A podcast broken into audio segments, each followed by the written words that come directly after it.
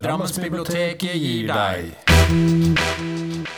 Eh, Jeg heter Monica og jobber på Nittedal bibliotek. Um, si litt om meg selv. Jeg liker å lese om folk og bli kjent med andre mennesker. Uh, enten de er, uh, lever i virkeligheten eller uh, er fiksjon. Jeg starter med Martin Svedmanns 'Når jeg drikker'. Det er en diktsamling. Det er scener fra et liv med alkohol i intens driv. Um, diktene kan leses som en fortettet eh, roman eller en novelle. Uh, det er én karakter som går uh, gjennom hele boka. Og Henrik, som er det lyriske jeget her, dette er en selvbiografisk diktsamling. Han startet å drikke alkohol som elleveåring. Og jeg leser et kort dikt fra det. Jeg er elleve, drikker vodka fra fryseboksen i kjelleren. Går opp trappa, over det myke teppet, pusser tennene, legger meg på baderomsmatten. Jeg ler, jeg gråter, blir konsentrert, euforisk. Har en begavelse for ekstase. Det handler om alt som blir ødelagt. Forhold til kjæreste, jobb, familie, venner. Og det rommer da store følelser, fra ekstase til anger og mørke. Og den lille eh, kakerlakken som er nederst på omslaget, den sier ganske mye om hvordan han føler seg i dette livet. Han var alltid den som drakk mest på fest, eh, og vi leser litt om virkningen på dem som er rundt ham, og den skyldfølelsen han føler. Eh, og det handler om Um, alt som blir ødelagt av drikkingen. Og han har jo, uh, en stund har han et forhold til en som heter Sofie. Hun drikker også, men slutter da de flytter sammen. Hun holder seg edru og gjesper vil hjem på lørdagskveldene. På et tidspunkt så sier hun at hvis han drikker en gang til, så går hun fra ham. Og det gjør hun. Nei, det gjør han, og hun går. Han får en prestisjefylt sommerjobb i London, uh, men han dukker ikke opp. Han ligger bare på rommet eh, og drikker, og han blir, får sparken etter en uke. Og Etter hvert så blir det så ille at han får eh, nyresvikt, og kroppen sier helt stopp. Språket er knapt. Det er veldig mye som er sagt på få ord. Eh, og det er en sår, eh, men også veldig humoristisk undertone. Eh, når han skal slutte å drikke, så begynner han i Anonyme alkoholikere. og Her møter han flere likesendede. og Det er veldig fint å møte disse karakterene. som vi også gjør da. Så Jeg leser litt om uh, den første gangen han er med uh, på et møte. Det er et dikt. Når jeg begynner å dele, stiller damene i grå kasjmirgenser og gullsmykker alarmen på telefonen sin. Jeg leser fra sangtekster, siterer vitenskapelige artikler, kritiserer Stortingets ruspolitikk. Etter tre minutter ringer alarmen. Jeg sier verden trenger mer kjærlighet. De lar meg dele videre. Det anbefales ikke å gå over tiden. At noen kan være ærlig lenger enn tre minutter, er ikke sannsynlig. Dette er en veldig sånn helstøpt diktsamling. Jeg den, plukket den opp fordi den fikk så veldig god kritikk og ble eh, snakket så godt om i alle aviser, til tross for at dette faktisk er en eh, debutant. Um, så den anbefales veldig, veldig sterkt. Det blir radio. Så skal jeg snakke litt om eh, min metode. Om sakprosaskriving av, redigert av Kristine Isaksen og Hans Petter Blad. Hvordan skriver man egentlig sakprosa? Hvilke tanker og metode ligger bak hver enkelt bok? På de spørsmålene kan svarene være like mange som det er forfattere, og sikkert enda flere også. Våren 2017 gikk det en samtalerekke kalt Min metode i lokalene til Norsk faglitterær forfatter- og oversetterforening i Oslo. Hver gang var lokalene stappfulle. Så ble samtalene redigert ned og utgitt i denne boka. Ti eks eksepsjonelt dyktige sakprosaforfattere eh, med kjente navn som Agnes Ravatn, Åsne Seierstad, Dag O. Hessen og Toril Moi var invitert. Og som samtalepartnere så hadde de uh, kjente forfattere som også kjenner deres bøker godt.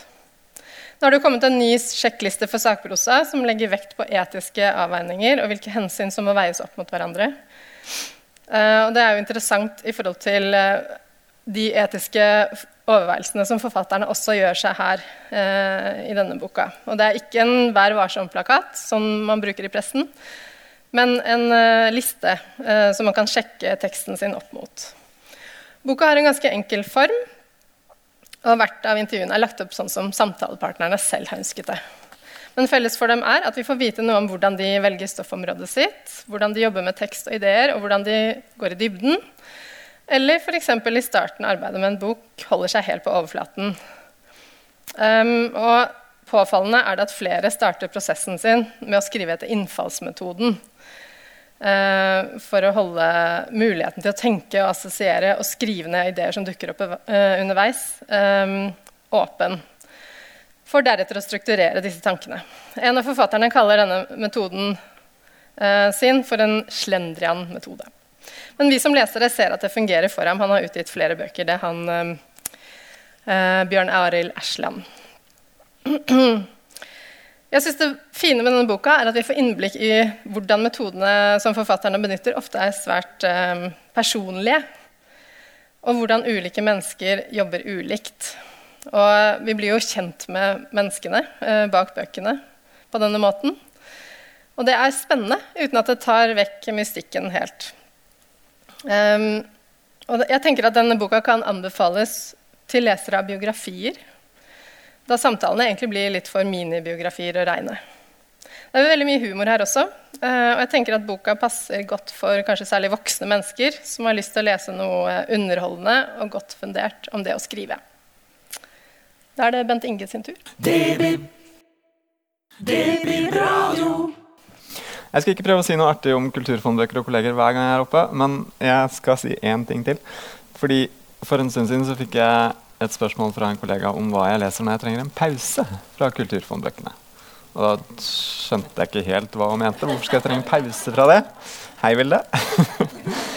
um, og så sa hun at de er jo, det er jo mye alvor, og det er jo mye tungt uh, stoff der. Og ja, det er det. Men uh, personlig så liker jeg veldig godt å lese mye om det som skjer på innsiden av oss. Um, jeg har en samboer som er psykolog og har kanskje blitt litt miljøskada av det.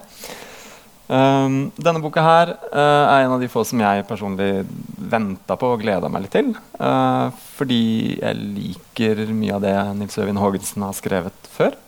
Han har skrevet uh, både diktsamlinger og romaner, og han er forresten også ute med en ny diktsamling nå, som heter 'Det uregjerlige'. Uh, noe av det jeg liker så godt med han, er språket. Måten han bruker språk på. Det er eh, stillferdig, og det er langsomt tempo, men det er veldig poetisk. og Kanskje litt naivistisk uh, enkelte ganger, men han er veldig flink synes jeg, til å uh, fange det som skjer inni oss, på en enkel måte, i et enkelt språk, og likevel få veldig mye ut av det. Uh, denne boka her er jo også ganske alvorlig. Det handler om en mann som heter Jentoft. Han heter faktisk Jentoft, og det blir jo vel også gjort et poeng ut av det at det er et litt rart navn å ha. Uh, og forholdet hans til uh, et barn som heter Lindis uh, Vi får da Altså Det handler om De knytter veldig sterke bånd opp gjennom oppveksten hennes. Um, og jeg har sett et par anmeldelser som også skriver litt om at det ja, er, hva er dette forholdet egentlig? Hva slags forhold er det? At det kanskje er noe som skurrer der, men denne voksne mannen som uh, egentlig er en venn av familien. Uh, vi får jo da hele historien gjennom Jentofts uh, fra hans perspektiv. en dag like før hun blir 18, så forsvinner Lindis sporløst borte. Og Gjennom da en del tilbakeblikk eh, fra Jentoft så nøstes det opp biter av dette vennskapet, og også hvordan han eh, håndterer verden generelt. Det er et portrett av en ensom og kanskje litt naiv mann som eh, ja, Han synes vel kanskje at livet er litt for stort, men han flyter bare med. Han klarer liksom ikke å gjøre noe mer med det. Uh, vi får jo også et inntrykk av det som har forma han, da. Uh, I dialoger med moren, bl.a. Han hadde kanskje ikke noen god oppvekst selv. Uh, jeg skal bare lese litt som gir et inntrykk av det, da. Jentoft tenker på historier fra da han var liten, som isolert sett er tragiske, men som når de ble fortalt av f.eks. moren hans på f.eks. julaften, fikk hele rommet til å le. Jentoft inkludert. Han var med i et planlagt gateslag en gang mellom guttene i hans gate og guttene i et tilstøtende nabolag. Det ble slått og sparka, svingt med kjetting, kylt stein osv. Jentoft gjemte seg til slutt i bakgården til et lite grønt murhus, satt på huk mellom to søppelbøtter og hjertet hamra. Da hun som bodde i huset kom ut for å henge opp tøy og oppdaga den lille gutten, viste seg at det var en gammel klassekamerat av moren.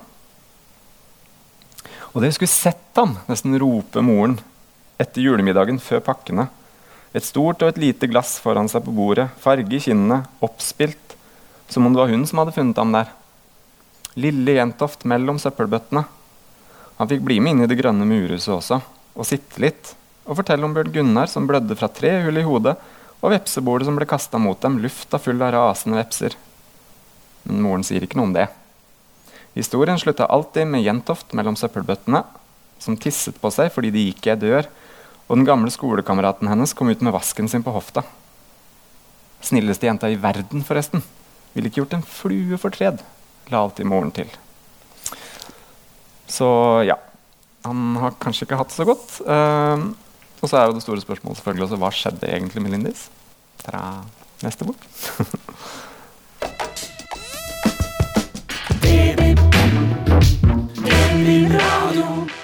uh, dette er en novellesamling. Uh, Marit Eikemo, 'Hardanger'. Jeg innbiller meg at det er en mening med hvordan bokstavene er oppstilt her på forsiden også. Har anger. Uh, hun gjør iallfall et lite poeng ut av det helt innledningsvis, hvor hun siterer fritt fra Håkan Hellstrøm. Kjenn ingen anger for meg, Hardanger. Uh, jeg valgte denne her fordi jeg liker å lese novellesamlinger, og det er jo ikke så mange som kommer av de. Uh, så jeg starta på denne her, og det tok egentlig litt tid for meg å komme ordentlig inn i den. Uh, men når jeg først ble litt kjent med karakterene og uh, ja, historiene her, sånn, så ble det veldig interessant. Hun, hun, skriver jo Det er mye humor og varme her. Uh, både skarp og lun humor. hun er jo fra Odda selv, så hun i tjukkeste Hardanger. Og det handler mye om hva skjer Eller hva, hvor er hjemme? Og hva skjer egentlig hvis vi reiser derfra og prøver å komme tilbake igjen? Er det det samme stedet? Er vi de samme? Eh, er det mulig å komme tilbake og kjenne at det fortsatt er hjemme? Og så er det jo også en kollisjon mellom det nasjonalromantiske og det hverdagslige her. Fordi Blikket utenfra på Hardanger er jo veldig Det er mye idyll, og det er det naturskjønne, og det må jo være fantastisk å bo i et sånt postkort. Eh, men for de som bor der, så er det kanskje mer følelsen av å bli invadert. Eh, og de har jo sin hverdag med sine problemer. Um, flere av de samme karakterene går igjen her. Uh, vi får litt ulikt perspektiv på de. Blant annet så er det en dame som heter Mona, som uh, vi blir kjent med tidlig fra en annen person. Uh, hun har da tatt bilde av sitt eget underliv og sendt ut til veldig mange mennesker i bygda. Og vi får da høre dette via en tredjeperson med noen teorier om hvem hun, Mona, hvorfor hun har gjort og veldig ekshibisjonistisk og i det hele tatt. Uh, senere så får vi møte Mona selv Uh, og får da et litt annet bilde på hva som egentlig skjedde. Uh, og så er det mye eplesider her. Det hører med i Hardanger. Uh, det er Sider-Jenny som har en blogg hvor hun markedsfører da det naturskjønne sammen med lettkledde bilder av seg selv. Um, og det er litt det, ja, det er selvironisk, det er harselerende med bygdedyret og men også mye samhold og identitet, og selvfølgelig veldig mye naturskildringer. Og det er, det er morsomt. Det er det. Da skal jeg gi ordet tilbake til Monica.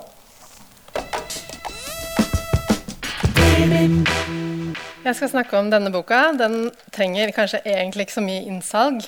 Den er solgt til 54 land. Uh, står på Barack Obamas leseliste, bl.a. Uh, men jeg måtte bare ta den med, for den er så medrivende, uh, den romanen. Og jeg tror ikke den kan etterlate noen uberørt og uten en følelse av å bli feil, feid helt av banen. Den handler om en oppvekst langt utover det vanlige. Eh, det er, den handler om Tara eh, selv. Det er en memoarbok for øvrig. Hun bor i Idaho i USA og eh, vokser opp i en konservativ mormonsk familie. De driver med hjemmeundervisning og er selvforsynte og lever helt avskjermet fra samfunnet. Det handler om å forberede seg til dommedag i stedet for å gå på skole og omgås andre barn. Det handler om å ha en fluktveske i sengen til enhver tid. Og det handler om å bli behandlet med urter når man er alvorlig syk. I denne familien så er farens ord lov. Han er familiens overhode og tror ikke på legevitenskap eller utdanning. Han driver en skraphandel, og der hjelper Tara søsknene hennes til. Hun har seks søsken. Og det innebærer stor fare. For han er ikke redd for å miste noen av dem til døden. For det er jo bare et skritt nærmere frelsen. HMS er derfor ikke noen prioritet her. Og noen av barna får faktisk farlige og livsvarige skader, og noen andre unngår dem så vidt. Da storebroren Tyler, Tyler kommer hjem med nyheten eh, om at det finnes en verden utenfor, så skjønner Tara at hun må bryte ut av denne familien. Og hun setter seg på skolebenken første gang når hun er 17 år gammel. Før hun uh, gjør det, har hun uh, levd hele livet uten fødselsattest. Og hun har opplevd så mye overgrep og vold og mangelfull omsorg at hun har lite til felles med de fleste av hennes klassekamerater. Hun har aldri hørt om f.eks. holocaust eller den amerikanske borgerrettsbevegelsen. Allikevel så lærer hun uh, fort og mye. og på et hengende hår så kommer hun inn på en utdannelse. Etter hvert så blir hun så dyktig at hun begynner å studere på Harvard eh, og går videre til Cambridge, der hun tar en doktorgrad. Men det nye livet er vanskelig. Eh, hun har ikke eh, brutt med familien, men hun har mindre kontakt med dem, og det er eh, ikke lett. Og hun oppdager etter hvert at morens lojalitet ligger hos faren og ikke hos henne. Og det blir liksom et vendepunkt for henne til å bryte tvert. Faren og moren besøker henne da på, et, på universitetet, og de vil drive djevelen ut av henne. Og nå forstår hun at det ikke er noen vei tilbake til familien. Uh, fordi den virkeligheten hun lærer, er noe helt annet enn den virkeligheten hun har lært i familien. Så da foreldrene reiser hjem, så vet hun at hun ikke kommer til å se dem igjen. Hun lærer en del om psykologi på universitetet, og hun forstår at faren kanskje kan ha en diagnose. Uh, F.eks bipolar lidelse. Hun er ikke sikker. Men selv om hun ikke lenger har kontakt med foreldrene og tre av de seks søsknene, mener hun fortsatt at hun har ganske mye å takke livet i familien for. For de utstyrte dem med arbeidsmoral og uavhengighet og ansvarsfølelse. Jeg syns denne boka minnet meg på egentlig litt mystisk vis om Vigdis Hjorts arv og miljø. Jeg tror det er fordi at um, det er elementer av ekstreme opplevelser og ulike oppfatninger av virkeligheten uh, og, som river relasjonen i stykker her. Og på samme måte som i arv og miljø så blir veien tilbake til familien lukket for alltid. Det handler også om evnen, til å leve videre etter å ha vært utsatt for fysisk og psykisk mishandling. Det er ganske nøktern tone i boka. Den krever egentlig ikke så veldig mye av leseren, utover at man må ta inn over seg det som skjer, selvfølgelig, og at det faktisk skjer, og at det er veldig voldsomt. Um, det jeg likte best, tror jeg var Taras egen utvikling. Uh, og at hun må trosse så mye for å oppnå det som er viktig for henne. Og at det som uh, uh, framstilles, ikke er svart-hvitt. Eh, at familien kanskje har sine grunner til å gjøre som de gjør. Og at ingen er entydig onde, selv om det kan virke slik. Romanen gir håp på flere måter, både for mennesker som har det vanskelig på et eller annet plan, og at man skal, som mennesker kan ha det i seg til å overkomme det utroligste. Og, at ut av noe vondt kan komme noe godt.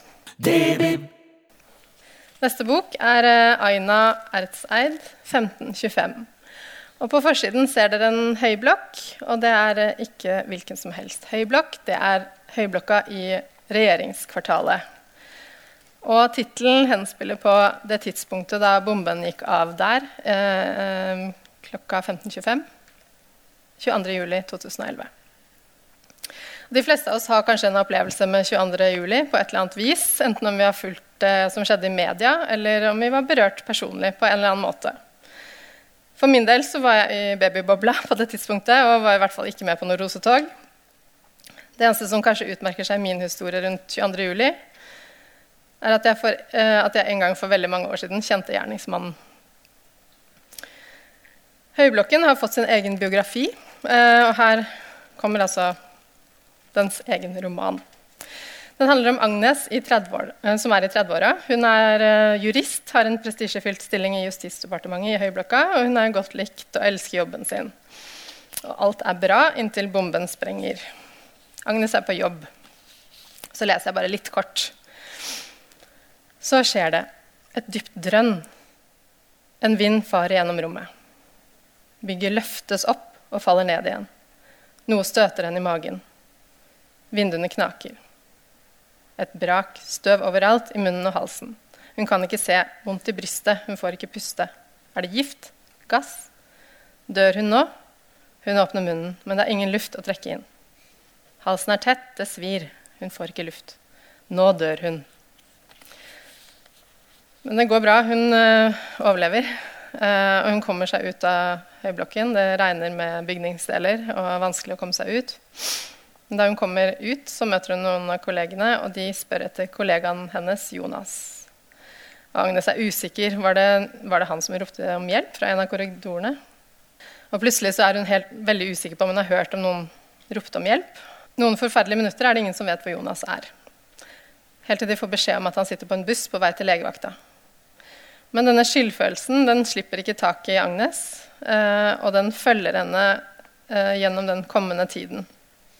Hun kommer seg hjem, hun er forvirra. Eh, hun låner en telefon og får ringt ekskjæresten, som har ekstranøkler. Og hun møter han når hun kommer hjem, der han venter med disse nøklene. Og han skjønner ikke hvor alvorlig situasjonen hennes har vært. Hun var så rolig på telefonen. Han må videre, han skulle egentlig vært på jobb allerede. Og da er hun helt alene i leiligheten. Og Som leser så ser vi gjennom henne. Eh, vi ser behovene hennes. Hun burde ikke vært alene. Hun burde hatt noen der som kan vise henne trøst og ubetinget kjærlighet. Eh, Agnes har ikke hatt det så bra som barn. Hun eh, ble adoptert, og foreldrene har ikke vært snille med henne, så hun har brutt kontakten med dem. Vi ser verden, verden, gjennom hennes øyne, og i disse øynene, dette blikket, så blir verden et trist og ugjennomtrengelig sted. På arbeidsplassen så er kollegene ikke opptatt av å snakke om det som har skjedd. mange av de var på ferie. Eh, dette skjedde jo i fellesferien. Så mantraet blir at eh, vi må legge dette bak oss og gå videre. Og eh, Agnes har jo ikke fått bearbeidet dette i det hele tatt. og vil at de skal snakke om det som har skjedd. Men hun blir avfeid og blir etter hvert sett på som klaget og brysom. Så det forblir liksom noe uforløst i henne. Og vi eh, som lesere vi kan jo da liksom se Vi følger henne veldig tett. Eh, kan se eh, tankene og følelsene hennes gjennom det hun opplever. Og vi forstår liksom hvor ille hun har det da, gjennom ganske nøkterne beskrivelser. Og jeg synes at eh, Språket er en viktig faktor i denne boken og gjør romanen veldig god. Det er enkelt og lettfattelig skrevet, med en indre handling og utvikling hos uh, hovedpersonen.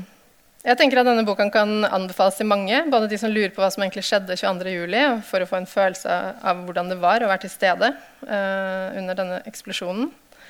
Um, den handler om ja, traume som oppstår, og hvordan man kan overleve. Og så har det også ganske mye å si hvordan du har hatt det tidligere i livet ditt. Uh, for hvordan du takler et sånt traume. Forfatteren Aina Ertseid uh, hun er selv jurist og jobbet i Høyblokken 22.07.2011. Og dette er hennes litterære debut.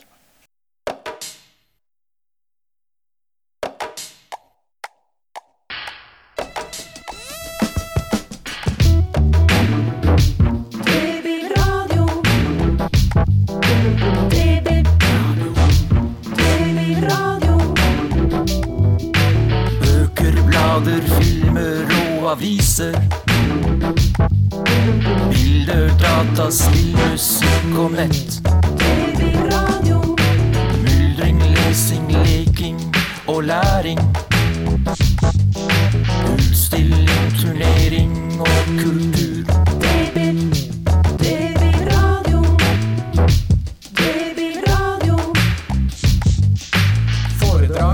Seminar, debatter, konserter, teater og lek. Drammensbiblioteket gir deg Babyradio.